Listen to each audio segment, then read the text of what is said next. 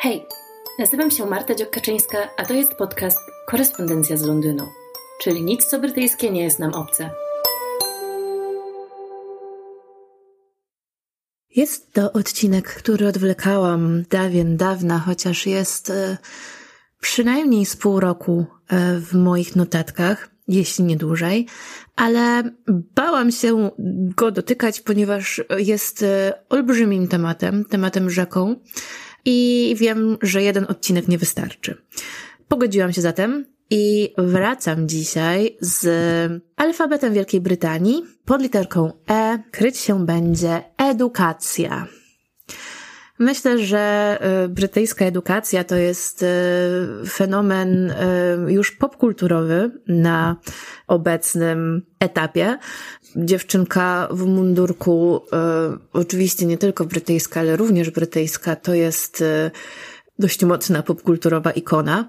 No Harry Potter, tak? Proszę was. Myślę, że każdy potrafi wymienić e, domy w Harrym Potterze, potrafi wymienić kilku uczniów i nauczycieli. Spice Girls śpiewający Stop Right Now w mundurkach, e, wywrotowy serial Skins, e, pokazujący niezwykle wyuzdane życie brytyjskich uczniów. Nie do końca wiarygodne, raczej taka fantazja na, na temat tego, jak to uczniowie są um, zdemoralizowani. W końcu um, Pink Floyd i We Don't Need No Education i tak dalej, i tak dalej. Także brytyjska szkoła jest w kulturze i popkulturze wyraźnie zarysowana i obecna. Myślę, że jesteście w stanie e, wiele więcej przykładów wymienić niż, niż sama wymieniłam. Także zajmiemy się dzisiaj tą edukacją. Nie chcę dzisiaj za bardzo poruszać tematów, e, o które co prawda pytacie, typu jak ma się jakość nauczania w brytyjskich szkołach do jakości w na przykład polskich szkołach. Nie będę za dużo opinii na ten temat i na inne tematy e, dorzucać dzisiaj. Dzisiaj chciałabym zająć się sprawą formalnie. E, myślę, że to i tak będzie e, całkiem sporo treści do przebrnięcia, bo ten system edukacji w Wielkiej Brytanii jest dość skomplikowany i niejednolity.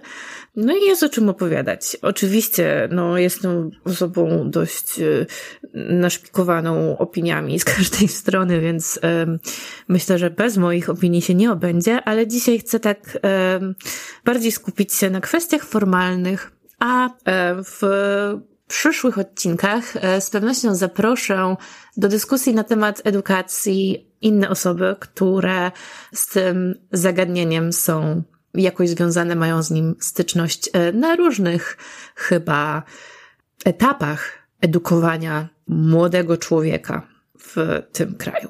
No więc już wspomniałam, że system edukacji jest niejednolity, ponieważ między innymi Dlatego, że Szkocja ma prawo do stanu stanowienia w paru kwestiach. Szkocja jest formalnie osobnym krajem, ale nie osobnym krajem. Niektóre decyzje e, właśnie Szkocja może podejmować w własnym zakresie, innych nie. Inne podejmuje parlament w Westminsterze, natomiast edukacja jest jedną z tych spraw, która należy do szkockiego parlamentu. Więc tutaj będą się pojawiać pewne oboczności w tym, jak opowiadam o całym systemie. Ale słuchajcie, mam mnóstwo notatek, więc bear with me. Będę tutaj próbowała przedstawić je w jasny i dość klarowny sposób, mam nadzieję. Zacznijmy od samego początku, czyli Early Years Education, które jest tutaj no takim dość e, formalnie opracowanym też, ma takie curriculum opracowane, o, jest uważane za bardzo ważne, ponieważ przygotowuje młodych ludzi do życia, malutkich ludzi, malutkie dzieci, tak? Generalnie tutaj to podejście jest takie mocno, chcę powiedzieć, biurokratyzowane, ale nie wiem, czy do końca o to chodzi. Brytyjczycy lubią mieć takie formalne założenia e, i lubią mieć wszystko na piśmie. Na przykład dlatego e, można znaleźć informacje niemalże o każdej chorobie e, na stronach NHS-u i takie podstawowe info, co robić, jakie są objawy i tak dalej. Także nie trzeba posiłkować się wujkiem Google, tylko można stroną NHS-u się posiłkować. I to są zwykle informacje zgodne z, nie powiem najnowszymi e, badaniami, ale z takimi established, e, dobrze ugruntowanymi, wiarygodnymi badaniami. O, w ten sposób to nazwę. Wiemy, że mózg dziecka kształtuje się do piątego roku życia bardzo, bardzo intensywnie, więc e, te elementy i curriculum i to, co powinno się robić w tym okresie życia malutkiego człowieka jest e, dość mocno opisane, no właśnie w założeniach tego Early Years Education. Plus do tego mamy różne Children's Center, gdzie są najróżniejsze zajęcia dla dzieci e, lub też przede wszystkim są to takie miejsca, gdzie rodzice mogą szukać wsparcia z jakimiś problemami, czy to zdrowotnymi, czy wychowawczymi. Także to nie tylko jest kwestia e, wybrania się do lekarza, ale jest tutaj przez samorządy fundowany taki system, powiedzmy, wsparcia.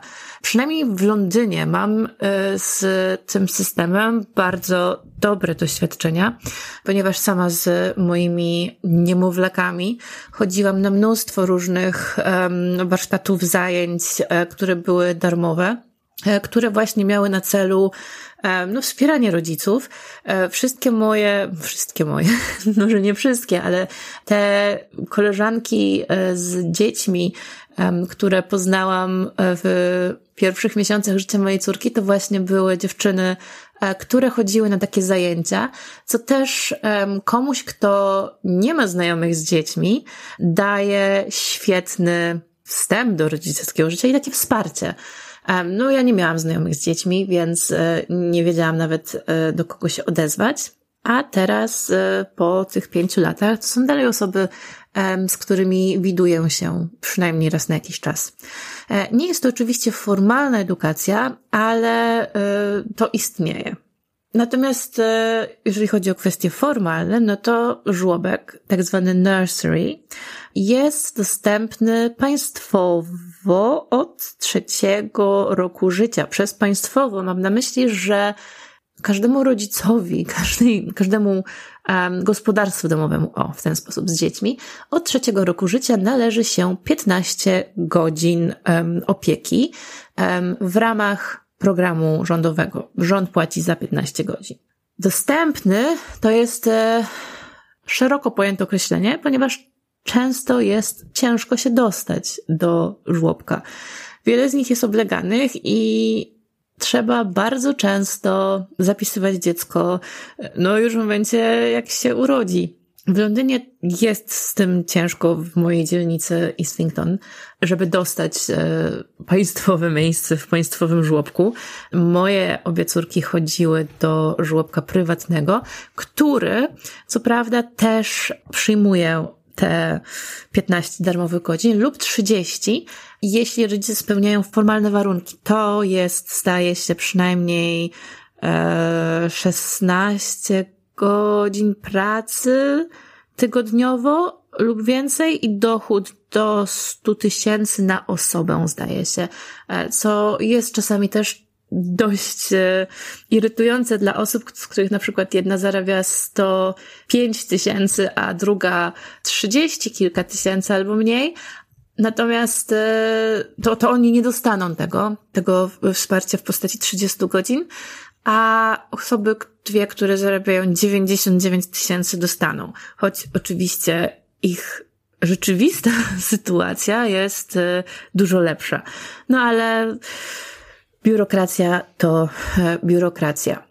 Czym się będzie różnił jeszcze um, państwowy żłobek? No one są trochę tańsze, chociaż to też zależy od um, dochodów rodziców, um, więc dla osób z niższymi dochodami one będą tańsze niż te prywatne, które są dla wszystkich takie same, ale też niektóre z nich będą dla dzieci e, z rodzin też znowu spełniających warunki, i tutaj chodzi o bardzo niski dochód lub y, właśnie brak pracy, już od drugiego roku życia można tam dostać jakąś, e, jakiś wymiar bezpłatnych godzin. Nie powiem wam, ile to jest godzin, bo ja się na to nigdy nie kwalifikowałam. Niestety i na szczęście, tak? No bo to znaczy, że dochody są na tyle wysokie, że nie można z tego skorzystać. I niewiele osób, które ja znam, nie wiem, czy w ogóle znam kogokolwiek, kto korzystał z tych godzin dla dwulatków, ale taka opcja istnieje. Wszystko załatwia się przez stronę rządową. Jest to płacone przez rządy, ale zajmuje się rozdzielaniem tego samorząd. Tak samo jak samorządy doglądają tych przedszkoli i szkół i tak dalej. I zajmują się ich jakością. One są również jeszcze egzaminowane przez tak zwany Ofsted, ale dojdziemy jeszcze do Ofsted. Prywatnie i całkowicie odpłatnie można oddać dziecko pod opiekę już we wczesnych miesiącach życia. Zależnie od placówek, niektóre przyjmują dzieci nawet trzymiesięczne. Pięcio czy sześcio to jest właściwie taki standard. Dziewięcio to już właściwie każda placówka prywatna e, przyjmuje takie dzieci. Tutaj nie chcę jakby sądów swoich na ten temat e, przedstawiać, ponieważ każdy ma własną sytuację życiową, potrzeby i tak dalej, i tak.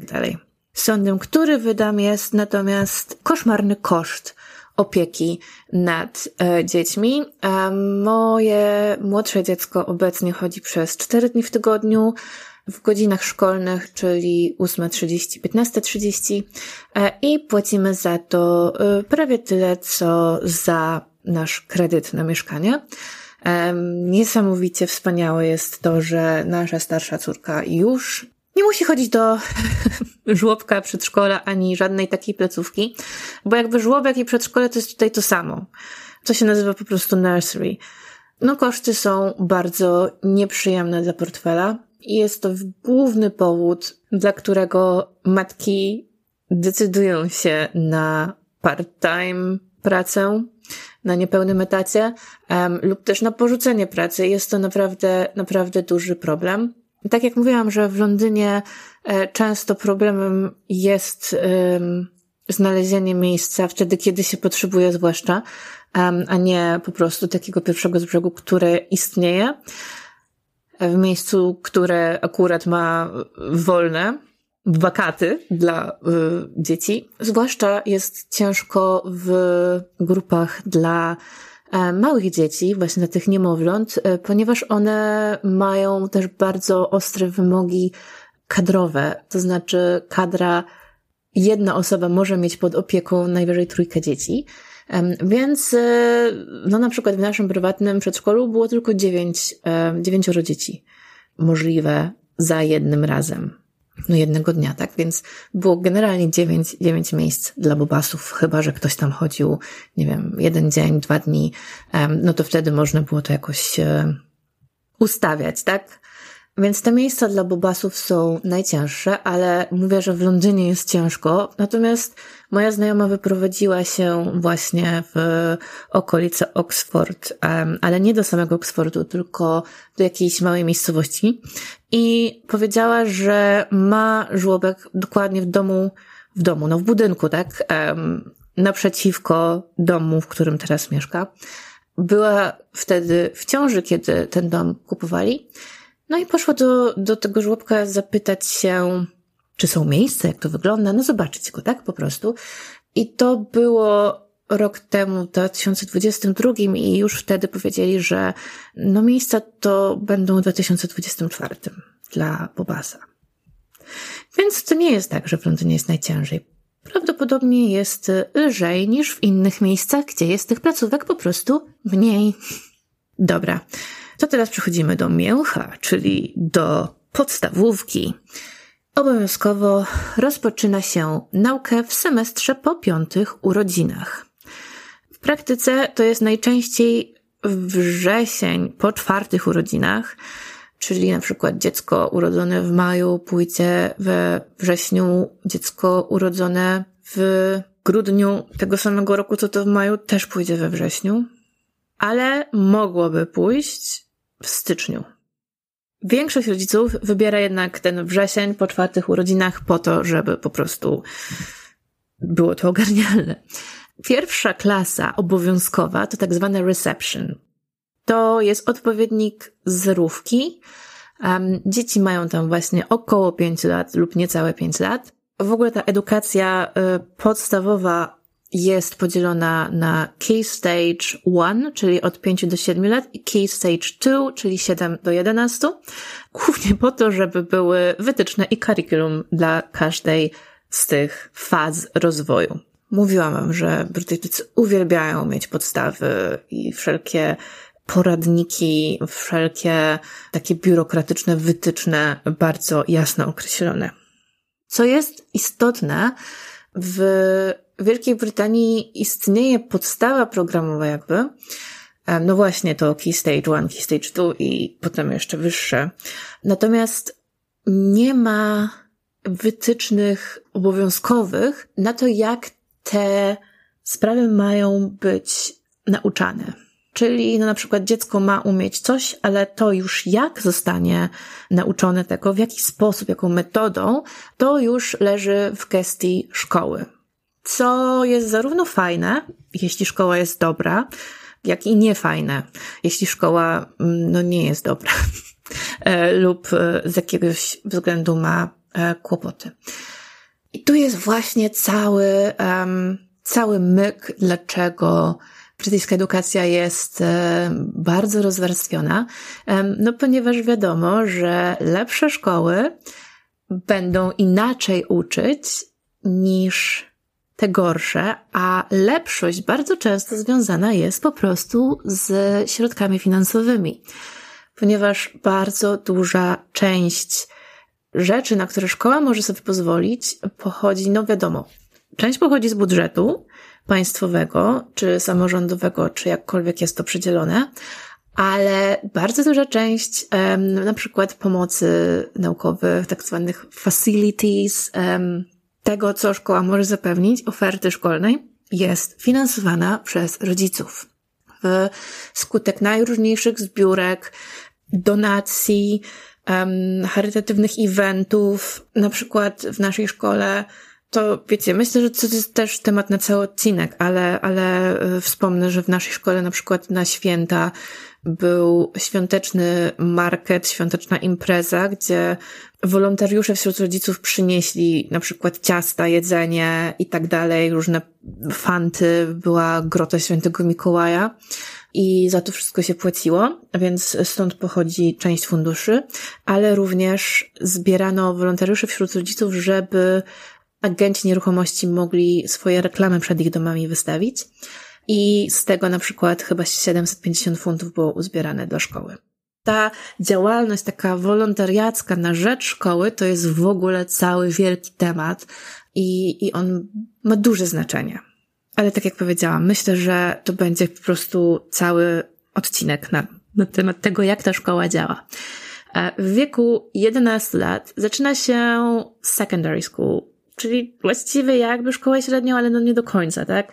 W wieku 16 lat młodzi ludzie zdają egzamin zwany GCSE, czyli General Certificate of Secondary Education z wybranych przedmiotów. Można wtedy legalnie opuścić szkołę, ale większość osób uczy się dalej do A-levels, advanced, czyli odpowiednika matury. I to pozwala zdawać na studia, podjąć praktykę zawodową na zasadzie czeladnictwa lub uczyć się później zawodów na kursach przygotowujących. Legalnie można odejść ze szkoły mając 16 lat, ale większość osób tego nie robi. Dochodzimy do studiów. Na studia aplikuje się przez ogólnokrajowy system UCAS. Aplikacje składa się już w styczniu, e, poprzedzającym start roku akademickiego we wrześniu.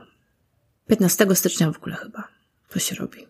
To znaczy ja miałam przynajmniej kilkanaście dobrych lat temu 18 dokładnie. Deadline na 15 stycznia, ale jak moja córka szła do podstawówki teraz, to, to też miała 15 stycznia deadline. Moving on.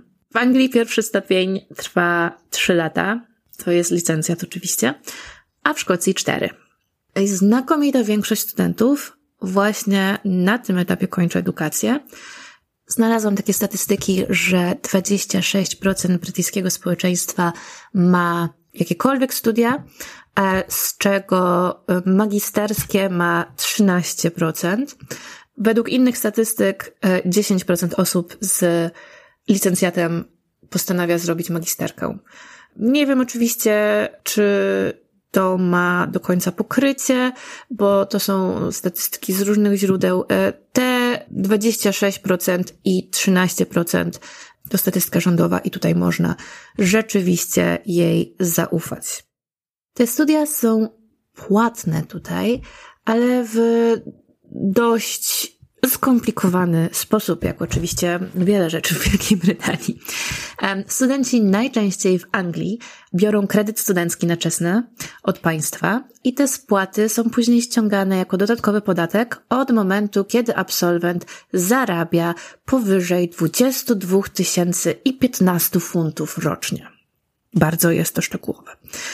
W Szkocji ze studia płaci agencja SAAS, um, chociaż wszyscy nią mówili SAS, może tak się powinno mówić zresztą. Dzięki temu student de facto za nie nie płaci. To znaczy, to jest też płacone z podatków, ale z podatków całego społeczeństwa i nie zwraca się. To jest bardziej takie stypendium, o, a nie kredyt na czesne. Przed Brexitem Studenci z Unii Europejskiej mieli de facto darmowe studia w Szkocji, tak samo jak Szkoci, ponieważ tak działa prawo unijne, że osoby z całej Unii muszą mieć takie same prawa jak home students, czyli po prostu osoby urodzone w danym kraju. Co było bardzo ciekawym ewenementem, że Francuzi, Irlandczycy z Republiki Irlandii, czy Polacy właśnie, czy ktokolwiek z Unii Europejskiej miał darmowe studia, ale Anglicy nie. No i rykoszetem obrywali też Walijczycy i północni Irlandczycy. Taki lokalny koloryt. Niestety po Brexicie wszyscy studenci z Unii Europejskiej muszą płacić. I to bardzo wysokie czesne, ponieważ ono wzrosło od moich czasów diametralnie. Za moich czasów rok studiów był, zdaje się, wart między 1700 a 3000 funtów, bo chyba te medyczne kierunki były wyżej cenione. Obecnie jest to 9000. Także hej ho, dziękujemy bardzo rządom turystów. To tak, jeżeli ktoś się zastanawiał, czemu ja tak zawsze jadę w moich podcastach, to właśnie między innymi dlatego. Wspomnijmy jeszcze o podstawowych różnicach między Anglią i Szkocją. Niestety Szkocję znam oczywiście tylko z poziomu uniwersyteckiego i tutaj jakby mogłabym opowiadać więcej, ale starałam się posiłkować doświadczeniami znajomych, prasy i łyka Google'a, żeby znaleźć te różnice. Przede wszystkim rok szkolny ma nieco inne daty. Anglia startuje z podstawówkami we wrześniu, Szkocja w sierpniu. A rok akademicki to już sobie e, ustalają uczelnie osobno i to zwykle jest po prostu pierwszy tygodnie września. Chociaż nie jest to zwykle 1 września, ale jest to początek miesiąca.